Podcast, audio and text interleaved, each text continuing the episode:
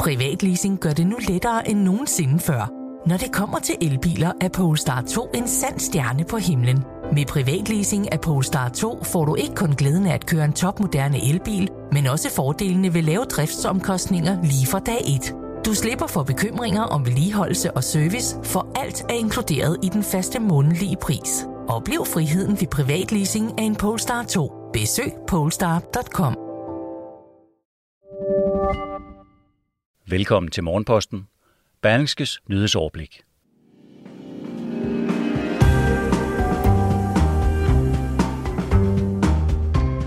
Nye demonstrationer mod coronarestriktioner ramte i går aftes og nat flere europæiske hovedsteder og store byer. Lego er vejen til succes, også når det gælder kampen mod ødelæggende klimaforandringer. Og så har danskerne fundet en ny måde at investere sparepengene på for at undgå negative renter.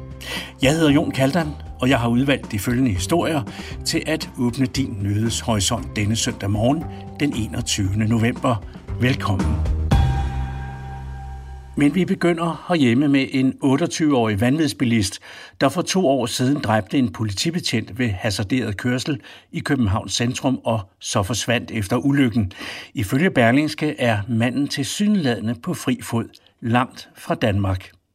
Avisen har nemlig fået adgang til fortrolige dokumenter, der kaster lys over det forsvindingsnummer, den 28-årige foretog efter den voldsomme ulykke i 2019. Manden er anklaget for dengang at køre over Langebro i København med over 100 km i timen og torpedere en bil et sammenstød, der kostede politibetjenten bag rettet livet. Retsopgøret mod bilisten, der er anklaget for uagtsomt manddrab, skulle egentlig være begyndt i Københavns byret for et lille år siden, men han er øjensynlig på fri fod. Danske myndigheder fik i juni besked om, at den anklagede var blevet løsladt mod kaution i Dubai i de forenede arabiske emirater, og at han her havde fået udrejseforbud, mens udleveringssagen behandles. Danmark har bare ingen udleveringsaftale med de forenede arabiske emirater, så det er helt op til emiraterne at afgøre, om manden skal udleveres til strafforfølgelse i Danmark. For anden aften i træk var der i går uroligheder i Holland som reaktion på regeringens coronatiltag. Hundredvis af demonstranter kastede sten og andre genstande mod politiet i den hollandske by Haag lørdag aften. Demonstranterne satte også ild til cykler, og flere blev anholdt, rapporterer nyhedsbyrået AFP. Også i Amsterdam demonstrerede tusindvis i går mod regeringens nyeste coronarestriktioner. Fredag anholdt politiet i havnebyen Rotterdam 51 under protester, som byens borgmester siden har betegnet som et voldsorgie.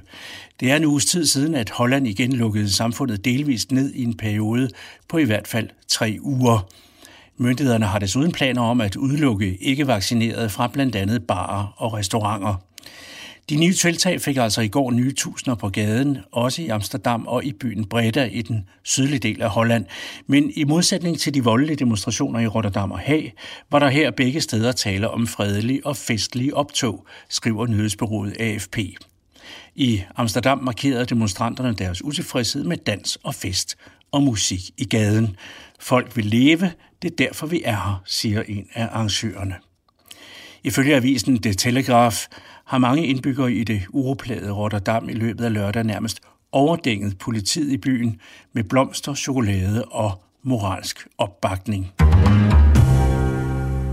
Også i andre af Europas hovedsteder gik folk i går på gaden i nye protester mod coronabegrænsninger. I Østrigs hovedstad Wien gik omkring 30.000 gennem byen i protest mod de hidtil skarpeste tiltag, der er indført i Europa under epidemiens seneste smittebølge. Demonstranter kastede blandt andet flasker mod politiet, der beskriver stemningen som meget ophedet. Myndighederne havde i går udkommanderet mindst 1300 betjente for blandt andet at kontrollere, at folk respekterer påbuddet om at bære mundbind. Østrigs regering har indført en ny ugelang nedlukning, der træder i kraft på mandag. Den gælder for hele befolkningen, altså både vaccinerede og ikke vaccinerede. Kun omkring to tredjedele er færdigvaccineret i Østrig, hvor vaccinemodstanden er en af de største i Europa. Men fra 1. februar næste år vil Østrig som det første land i EU gøre vaccination mod coronavirus obligatorisk for alle. Det har vagt stor vrede blandt mange af Østrigs borgere og udløst de rasende protester. Flere private virksomheder i Østrig støtter til gengæld regeringens bestræbelser på at få resten af befolkningen til at lade sig vaccinere. Blandt andet Østrigs største sexklub, der hver mandag eftermiddag tilbyder et vaccinestik til kunder i klubben. Guldråden, det er 30 minutters gratis sex med en af de ansatte prostituerede efter eget valg, hvis man altså forinden lægger arm til vaccine. Mærsk gør det, Apple gør det. De arbejder med byggeklodser, som passer sammen og kan sættes på lidt efter lidt.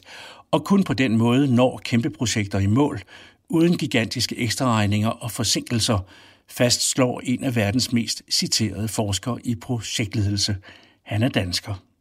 Specialdesignet og skræddersyede løsninger, det er den sikre død, mener han.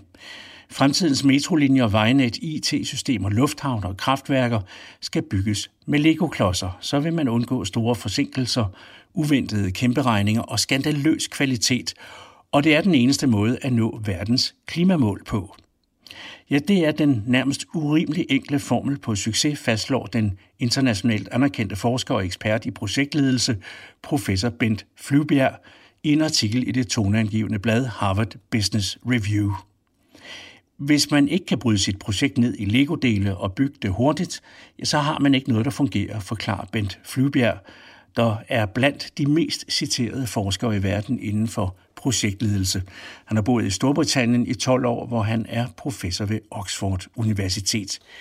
I dagens udgave af Berlinske Business kan du læse meget mere om professorens gode råd og om, hvorfor vi på klimaområdet ikke har tid til at fjumre rundt med små specialsyde løsninger. Ejere af Tesla-biler over hele verden oplevede fredag aften, at de pludselig ikke kunne komme ind i deres bil eller ikke kunne starte den. Problemet skyldes et udfald i den mobilapp, som ejerne af elbilen normalt bruger til at kommunikere med deres køretøj, skriver det britiske nyhedsmedie BBC. Teslas ejer Elon Musk måtte selv gå på de sociale medier for at berolige kunder over hele kloden med, at Tesla-appens problemer ville være løst i løbet af meget kort tid. Undskyld, skrev direktøren på Twitter, vi gør alt, for det ikke sker igen. Som øh, Tesla-ejer vil vide, så er mobilappen ikke den eneste mulighed, man har for at låse sin bil op. Der følger også en separat analog nøgle med i købet. Men som en britisk professor og specialist i bilindustrien skriver, så er Tesla måske blevet offer for sin egen succes. Kunderne er vant til, at de er med på en bølge af den allernyeste digitale teknologi, og har derfor parkeret hele deres tillid til de digitale systemer, siger han, og understreger, at ingen systemer er ufejlbarlige. Fra elkøretøjer på jorden skal vi til elektrisk drevet lufttransport, for britiske Rolls-Royce mener nu at have sat verdensrekord i hastighed for fly, der udelukkende drives elektrisk. Rolls-Royce siger, at deres nyeste elektriske fly har opnået en hastighed i luften på 623 km i timen. Firmaet har nu indberettet tre mulige verdensrekorder på forskellige afstande for deres elektriske fly med navnet Spirit of Innovation. Rolls-Royce siger, at batteriet i det kompakte enmotors elfly har kraft nok til at oplade 7.500 mobiltelefoner på én gang. Og den øverste administrerende direktør for det britiske selskab siger til BBC, at Rolls-Royce bestræber sig på at følge det fokus på en fossilfri fremtid, som blev lagt på det seneste klimatopmøde i Glasgow i sidste uge. Testflyvningen er ifølge direktøren endnu en milepæl på vejen mod fossilfri jetflyvning. Rolls-Royce er verdens næststørste producent af flymotorer, kun overgået af General Electric. Negative renter og nye vaner har fået flere til at investere deres sparepenge i blandt andet kunst. Auktionshuset Bruno Rasmussen fortæller i søndagsudgaven af Berlingske, at man har oplevet en massiv interesse for at købe kunst, smykker og design under coronaepidemien. 2021 tegner til at blive et rekordår for auktionshuset, siger administrerende direktør Jakob Dupont til avisen. Modsat hvad mange nok forestiller sig, så er der fri adgang for alle ved de fire årlige auktioner hos Bruno Rasmussen i Bredgade i København. Man skal ikke have slips på at sige de, og det kræver hverken billet eller tilmelding, understreger Jakob Dupont. Han har de senere år netop arbejdet på at gøre kunstauktioner mere tilgængelige for den brede befolkning. Auktionshuset mærker også tydeligt effekten af de negative renter, fortæller direktøren. Det har helt sikkert øget lysten til alternative investeringer, og vi kan i hvert fald se, at der er flere, der kommer med henblik på netop at investere, siger Jakob Dupont. Selvom coronapandemien har skabt nogle udfordringer i forhold til især de traditionelle auktioner, som er baseret på et fysisk hammerslag, tegner 2021 til at blive et rekordår for Brun Rasmussen med en forventet omsætning på 600 millioner kroner. Du kan læse hele den her historie i Berlingske Finans i dag, hvor Jakob Dupont også giver gode råd, hvis du nu skulle have fået lyst til at kaste dig ud i den nye investeringstrend. Dermed er vi nået frem til afslutningen på denne søndagsudgave af Morgenposten. Vi er tilbage igen i morgen, mandag, tidlig som altid, med et nyhedsoverblik i lyd. Jeg hedder Jon Kaldan. God søndag og på genhør.